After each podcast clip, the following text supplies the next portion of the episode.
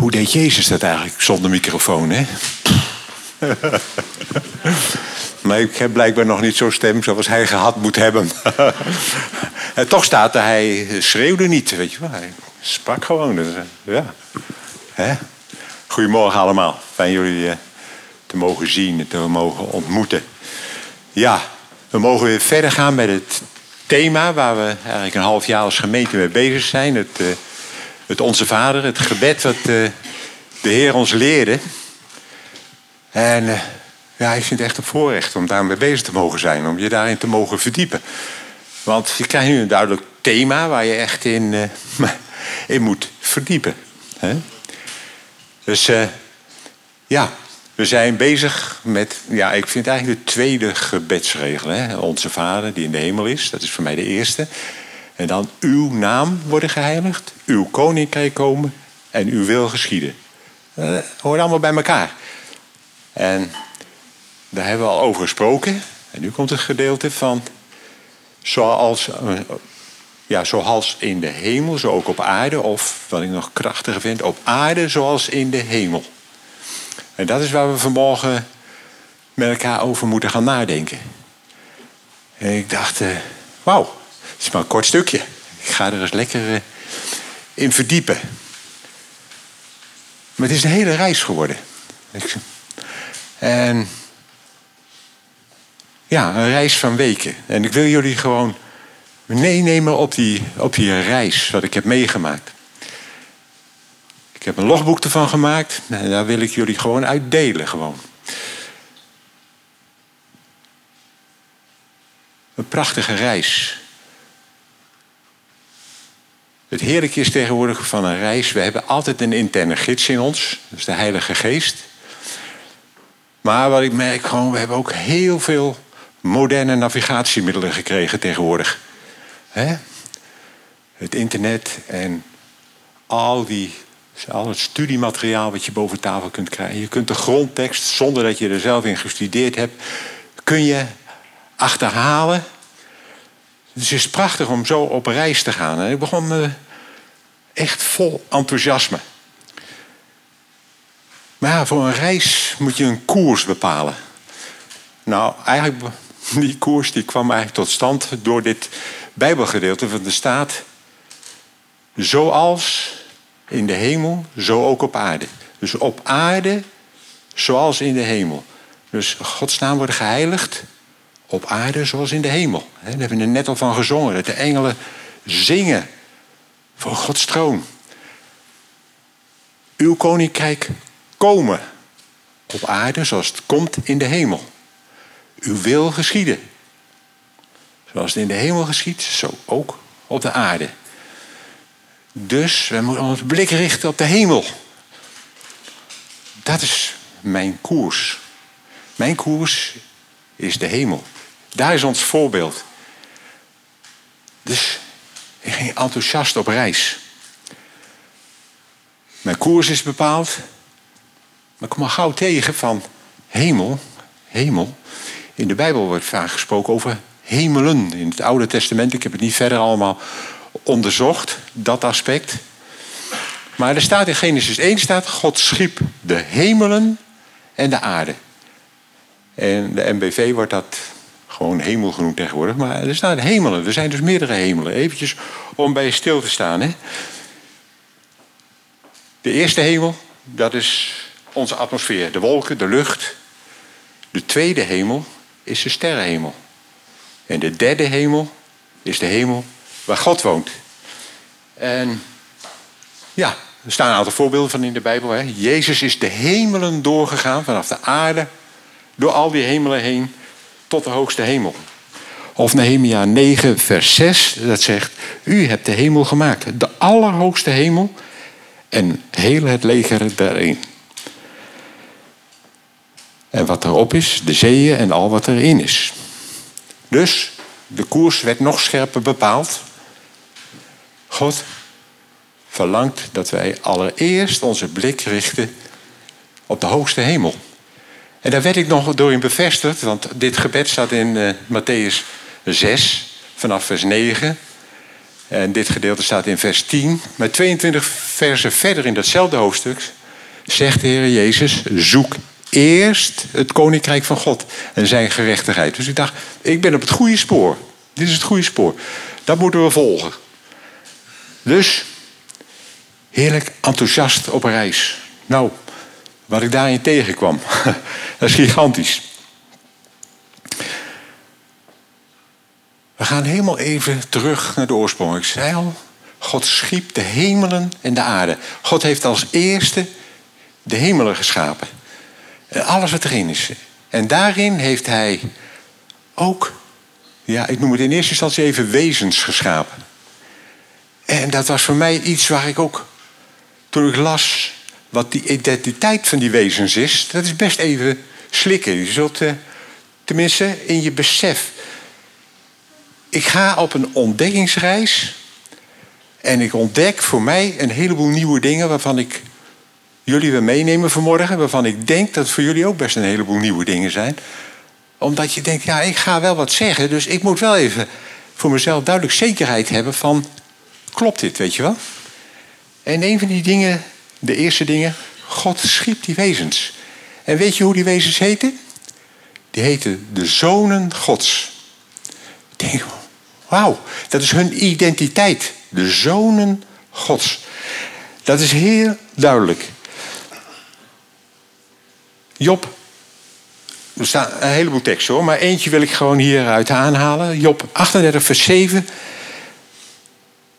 Vat namelijk een paar dingen samen. Toen God de aarde maakte, staat in vers 4. Schreeuwden Gods zonen het uit van vreugde. De zonen stonden erbij en die waren zo. Wauw, vader, wat maakt u? Met de Heer Jezus samen, wat maakt u een grandioos, schitterende nieuwe aarde. Ze waren ongelooflijk blij.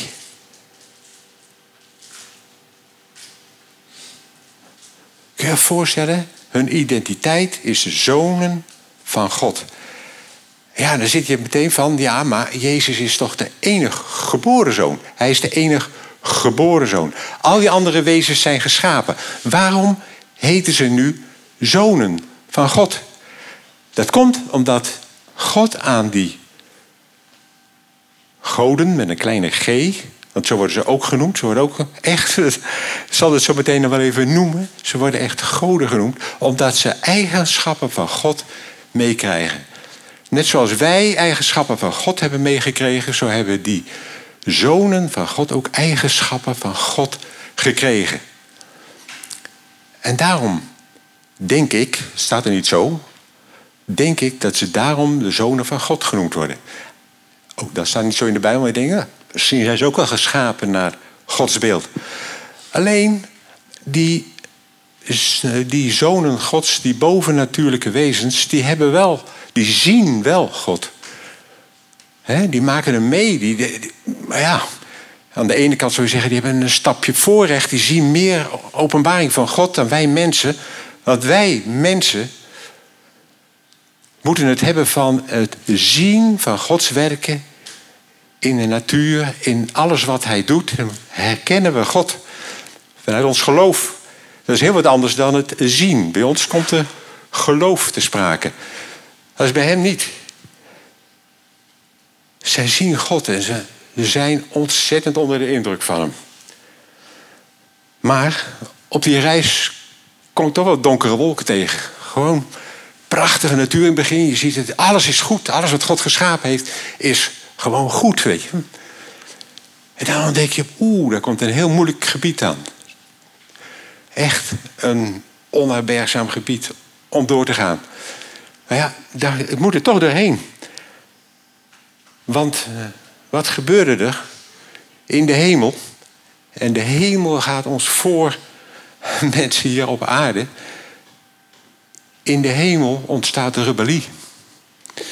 Er zijn een aantal engelen. Engelen zijn functienamen. Andere functienamen die in de Bijbel tegenkomt zijn wachters. En zo zijn er wel meer, maar dat zijn functienamen. Zonen Gods is hun identiteit. Maar er ontstaat rebellie. Ik denk een jaloersheid naar God toe. Ze willen wat God heeft voor zichzelf. En iets wat wij in onze maatschappij ook weer herkennen. Wat weer een spiegelbeeld is van wat in de hemel is. Er komt hoogmoed. Ze willen eh, ook eigen macht. En ze hebben gezien wat God aan de mens gegeven heeft. De autoriteit die God aan Adam gegeven heeft. En de eerste rebel die we daarin tegenkomen is de slang. Later de Satan genoemd. Hij rebelleert tegen wat Gods plan is. Hij zou ons moeten helpen, moeten ondersteunen. Maar nee, hij gaat Gods goedheid in twijfel brengen en misleidt de mens. Nou zijn wij geen slachtoffers. We hebben een eigen verantwoordelijkheid gekregen. Maar Adam zakte door het ijs. Hè? En hij ging erin mee. En dat was een enorme ja, nederlaag. Want daarmee kreeg Satan macht over deze schepping. Gebeuren nog veel ernstige dingen. Ik zei al, mijn reis is nog veel langer. Die ging ervoor al eh, aan de gang voordat ik hiermee aan de gang mocht. Psalm 82. Dus een psalm echt. Dat zegt een heleboel. Daar gaan we nu verder niet op in. Maar ik wil wel iets ervan zeggen. Daarin staat namelijk ook dat de, deze mensen, deze wezens, zonen van God zijn. En er staat in vers 6 van die psalm. U bent goden, zegt hij dus tegen deze bovennatuurlijke wezens. U bent goden, zonen van de Allerhoogste. Dat staat dus in die psalm, hè? Zonen van de Allerhoogste. Allemaal. Allemaal zijn dat. En dat was, gaf me mij echt de overtuiging. Het zijn allemaal zonen van God.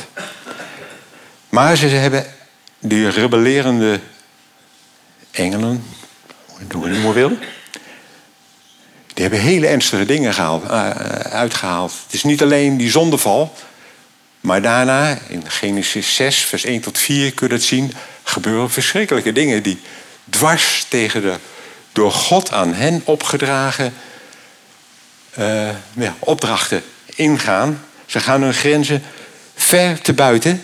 En dat te buiten gaan van die grenzen is de uiteindelijke oorzaak geweest van de zondvloed over de aarde. Goed, dus even om jullie nieuwsgierig te maken, misschien om eens wat te, te onderzoeken. En een volgende ernstige stap is de torenbouw van Babel. Dat zijn drie ernstige rebellerende zaken. Want God had gezegd, je moet je verspreiden over de aarde. Maar we deden ze, nee, we gaan samen gaan we een toren bouwen opdat we bij elkaar mogen blijven. Het zijn zo eens wat ernstige dingen die gebeurd zijn ten gevolge van hun rebellie. En wat zegt God ervan? Hij weet het zo ernstig dat zij rebelleren. Dus hetzelfde Psalm 82, vers 6. Toch zult u sterven als mensen. Ten val komen als aardse vorsten. Dus het zijn eigenlijk eeuwig levende wezens. Maar wat ze gedaan hebben, die rebellie tegen God, is dermate ernstig dat ze ook zullen sterven. Wat we dan later in openbaringen lezen, komen in die put. He, met het helse vuur. Daar komen ze uiteindelijk in terecht. En wat je uit andere. Ja, wat hier dus ook al staat, maar wat bijvoorbeeld in het boek 1 Henoch staat. Is heel boeiend om te lezen, want daar gaat veel dieper in op die dingen. Er is geen vergeving voor hun. In het boek van Henoch staat, het is een buitenbijbels boek. Hè, maar het, zegt toch het heeft een heleboel toelichting over wat eh, God in de Bijbel zegt. Maar er staat dat Henoch werd gevraagd door die rebellerende zonen, die beseften wat ze gedaan hadden heel bewust gedaan hadden en ze vroegen of Henoch naar God toe wilde gaan om voor hun te vergeving te vragen. Maar God zei absoluut nee. Wat zij gedaan hebben is niet voor vergeving vatbaar. En ik denk omdat zij veel meer van Gods koninkrijk zien dan wij als mensen kunnen zien. Goed, wat is nou het belangrijkste kenmerk wat God aan deze zonen Gods gegeven heeft? En dat hij ook aan ons gegeven is. Dat is onze vrije keus, onze vrije wil. Heeft ook aan hen die vrije wil gegeven. Je leest in de Bijbel andere hoofdstukken. Job 1 bijvoorbeeld, Job 1 en Job 2, dat de zonen Gods komen bij God. Er is een hemelse vergadering, staat daar duidelijk, weet je wel. Ook Satan kwam daar, die had daar toegang. Ben ik het even kwijt? Wat wil ik daar nou? Oh ja, hoe die vrije wil. Die engelen konden kiezen. Ze hadden de vrijheid. En ik denk verreweg de meeste, gelukkig, hebben gezien wie God is. En die aanbidden hem, die onderwerpen zich aan hem. Maar er zijn dus een aantal die dat niet gedaan hebben. Die zijn hun eh, taken en begrenzingen te buiten gegaan. In de hemelse gewesten is dus rebellie, is ongehoorzaamheid, is strijd. Ja, dat is verschrikkelijk. En dat. Dus in de hemel, ik zat te denken van ja, maar is het nou wel zo goed in de hemel, weet je wel? Daar moest het koninkrijk ook eerst in de hemel komen.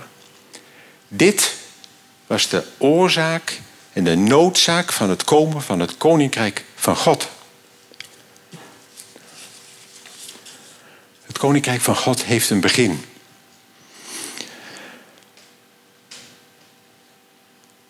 We een tweede gebied uh, verkennen. Dit was een eerste gebied. Zoals God het gemaakt had, zoals het goed was. Maar door die vrije keuze rebellie ging het mis. Waar is het koninkrijk van God heeft een doel. Het heeft, God heeft daar een plan mee. Het is niet zomaar een koninkrijk. Nee, het koninkrijk moest er komen. Waarom? Om deze rebellie aan te pakken. Dat is schitterend. We lezen nu. Ja, ik wil, ja, willen jullie meelezen in. Uh, ja, op je telefoon. is jammer dat we het nu niet kunnen projecteren. We gaan lezen uit Openbaringen 12, vers 1 tot 12. Dus als je mee kunt lezen op je mobiel. Ik lees het vanuit de MBV, omdat ik uh, merkte hier hebben ze niet de uh, herziende statenvertaling. Dus ik had me al afgestemd op de MBV. Maar lees eens even, lees eens even mee wat daar staat. Het is de tweede helft van openbaring. En we zien in openbaring dat het, hoe verder je komt, hoe meer gedetailleerd het is.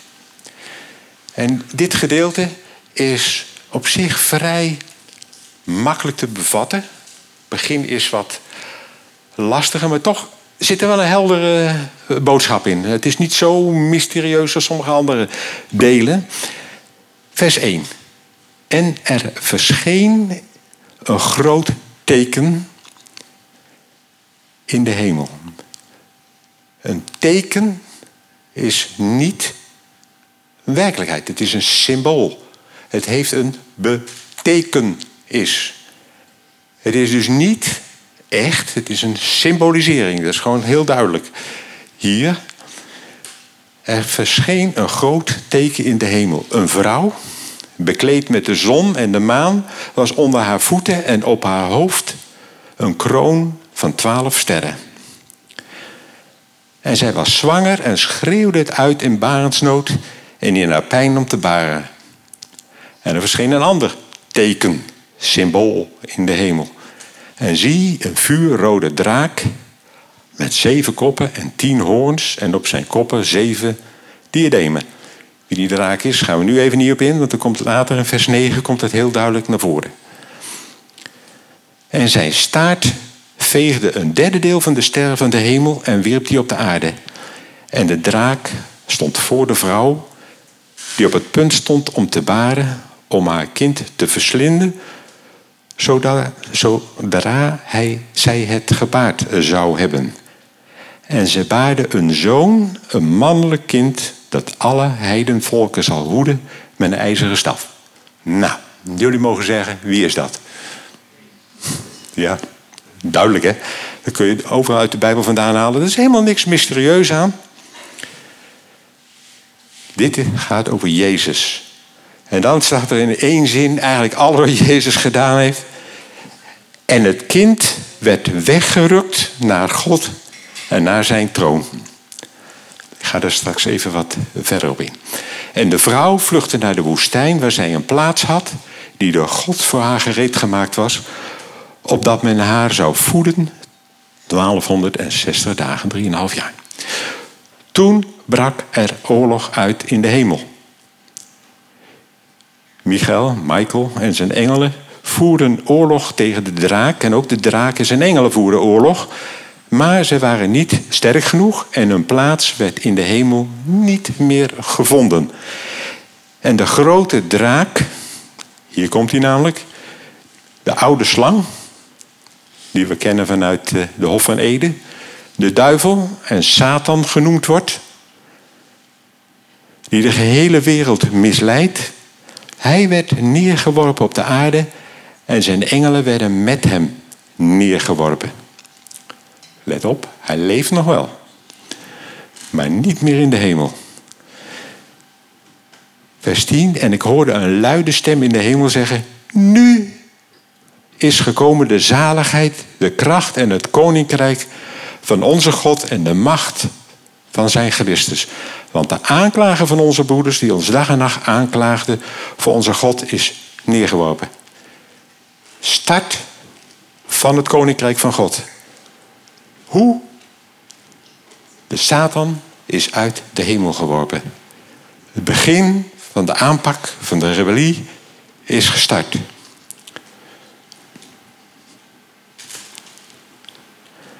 En ze hebben hem,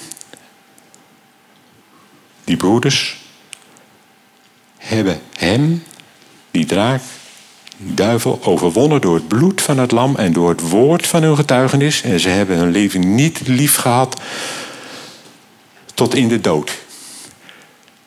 En daarin is Jezus hem voorgegaan. Jezus heeft op aarde zich volkomen onderworpen aan God zijn vader. Hij deed niets zonder dat hij het de vader zag doen. En heeft zijn leven niet lief gehad tot in de dood. En denk om dat het best een enorme strijd is geweest voor hem. Vader, indien het mogelijk is, laat deze drinkbeker aan mij voorbij gaan. Maar hij onderwierp zich aan de wil van God de Vader. Tot onze redding. Hij had zijn leven niet lief gehad tot in de dood. En zijn volgelingen ook niet. Belangrijkste aspect is onderwerping aan God. Hem erkennen als Heer, als onze Schepper. En voor Hem als God de Vader, die een wil heeft. En daarin heeft Hij overwonnen. Daarom verblijdt u, hemelen, u die daarin woont. Hemelbewoners dus. Wee hun die op de aarde en de zee bewonen. Want de duivel is naar beneden gekomen naar u toe in grote woede, omdat hij weet dat hij nog maar weinig tijd heeft. Dat weet hij. Want het koninkrijk van God zal zijn voleinding krijgen. Even weer een paar kernpunten die uithalen. Het kind, Jezus, werd als mens geboren. Dat is gigantisch belangrijk, daar kom ik zo nog even op terug. En daarna voor de draak weggerukt. Dus Satans plan mislukt. Jezus overwon door de dood en de opstanding en zijn verheerlijking.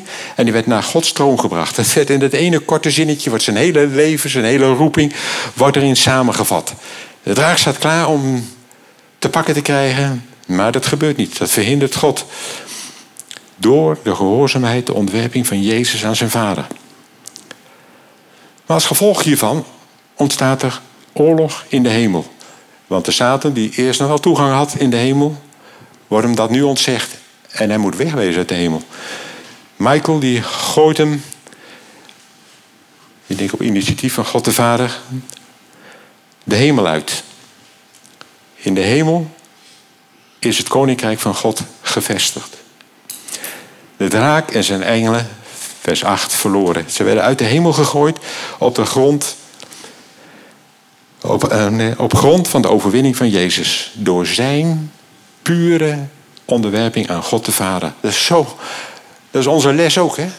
Laten wij ons helemaal onderwerpen aan zijn wil. Laten we doen wat God ons zegt. En die grote draak, die werd neergeworpen in de laagste hemelsfeer. Maar daar hebben wij wel mee te maken.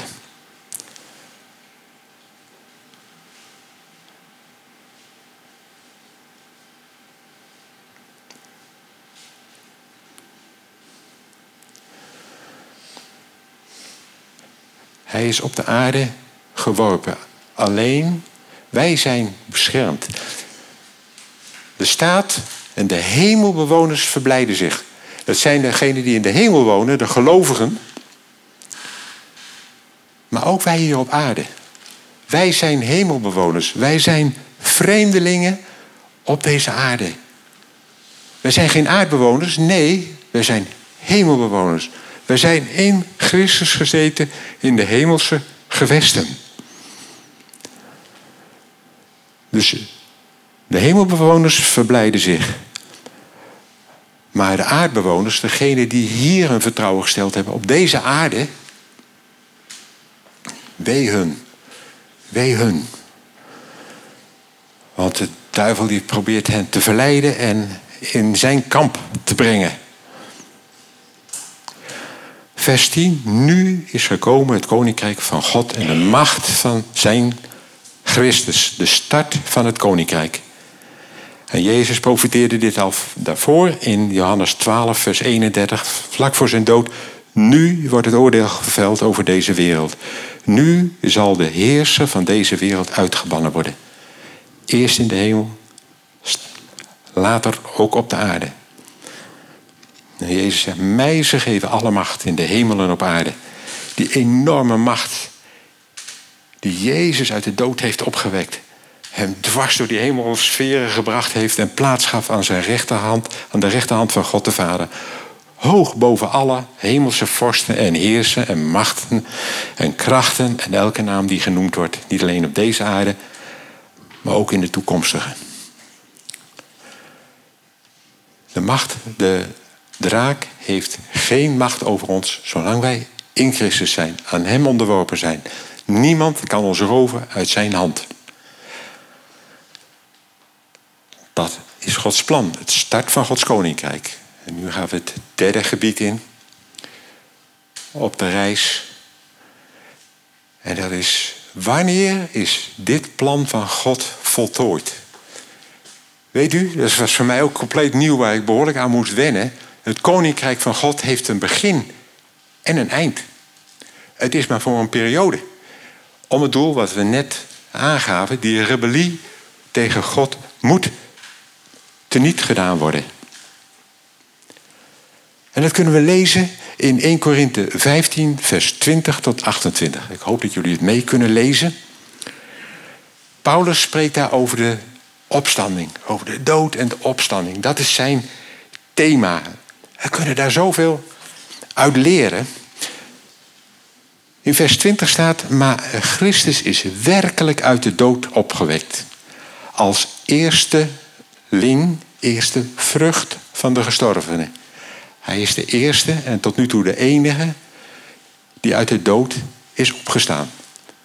Er zijn wel meerdere mensen die uit de dood opgestaan zijn, maar die zijn later weer gestorven. Jezus leeft voor eeuwig. Hij zal de dood niet mismaken. Hij is de eerste, hij is ons voorgegaan. Want, en het is zo, want omdat de dood er is door een mens, door Adam, is ook de opstanding van de doden door een mens. Dus Jezus moest mens worden zoals wij, omdat wat Adam uit handen heeft gegeven weer terug te vinden. Dat is gewoon nodig dat het door een mens moest gebeuren en daarom is Jezus mens geworden. In dit vers 21 staat dat is het plan van God. Want omdat de dood er is door de mens, is ook de opstanding van de doden door de mens. Dat is de bedoeling. En dan vers 22, want dat lijkt wel een herhaling. Maar ik dacht, ja, waarom een herhaling? Maar het gaat net een stapje verder. Zoals de dood er gekomen is door een mens, zo is ook de opstanding van de dood er gekomen door een mens. Eerst was plan, dit is de uitvoering. Zo is het gebeurd. Oh, daar je nogal ontzettend op gehamerd. Vers 23. Maar ieder voor hem op de bepaalde tijd. Christus als eerste, eersteling, voorlopig als enige. En daarna, wanneer hij, staat hier veel hijs in, en dat is zo moeilijk te achterhalen, maar met de hele bestudering van de tekst kom ik achter wanneer hij, Christus, in dit geval duidelijk, komt, weer terugkomt, dan zij die hem, Christus dus, toebehoren. Eerste opstanding. Alleen de gelovigen staan dan op. Hè? Niet iedereen. De gelovigen staan op met Christus. Misschien het duizendjarig vrederijk, ik weet het niet. Dat zijn dingen waar mij echt onduidelijk is. Dan vers 24 en dan komt het einde. Het einde van het koninkrijk. En dan draagt hij, Christus, het koningschap over aan God de Vader, nadat hij, God, zul je laten zien, want dit was echt even lastig om te vinden, nadat hij, God, alle heerschappij en elke macht vernietigd heeft. Plan van het koninkrijk, het doel van het koninkrijk is dat alle rebellie vernietigd wordt. Onder de heerschappij van Jezus. Maar God doet het allemaal. God de Vader vernietigt al die machten. Er is op een gegeven moment een grens. Dan zegt God, nu is het tijd. En nou worden alle antigoddelijke machten worden vernietigd. Dat gaat gewoon gebeuren. Want hij moet koning zijn totdat God alle vijanden aan zijn voeten, aan Jezus' voeten, heeft neergelegd. En de laatste vijand die vernietigd wordt, is de dood. Want er staat, heeft alles aan zijn voeten gelegd. Staat er overal in de Bijbel, hè? Psalm 110 bijvoorbeeld. En wanneer er alles staat, is dat natuurlijk uitgezonden. Degene die, hem, die alles aan hem onderwerpt. Dus God de Vader is daarvan natuurlijk uitgezonderd. Die is niet onderworpen aan Jezus. Maar het is andersom. Vers 28. En op het moment dat alles aan hem onderworpen is, zal de zoon zich onderwerpen aan hem die alles aan hem onderworpen heeft. Aan Jezus onderworpen heeft. Opdat, en dat is het einddoel van het koninkrijk, opdat God over alles en allen zal regeren. Alle tegenstand is weg. Alles is tot eer van God de Vader. Er is herstel, er is eenheid. Jezus is ons voorbeeld erin, door zijn gehoorzaamheid, door zijn onderwerping aan de Vader. Daardoor heeft hij het koningschap van God ontvangen. Door wat hij op aarde gedaan heeft, kon de Satan uit de hemel geworpen worden. Die had geen toegang meer tot God de Vader. Die heeft geen toegang meer. En het einde, nog een keer, het einde van het koninkrijk wordt gemarkeerd door twee dingen. Allereerst, dat staat dus in vers 24 en 28, wat we net gelezen hebben, de vernietiging van alle heerschappij en macht en kracht in de hemelse gewesten. Dus de vijandige machten, de antigoddelijke machten. En als laatste de dood. Dat als eerste voorwaarde. En de tweede is dat Jezus dit koningschap weer teruggeeft aan de Vader. Dan is de opdracht voor het koninkrijk vervuld. En zijn koningschap wordt ja, opgeheven. Hij blijft natuurlijk altijd in God de Vader, onze koning. Het doel is dus herstel en eenheid. En dat zegt voor ons een heleboel. Als we dat voor ogen houden van laten we op God gericht houden. Zoek eerst het koninkrijk van God. Laten we eerst onze harten, laten we Hem zoeken in alles.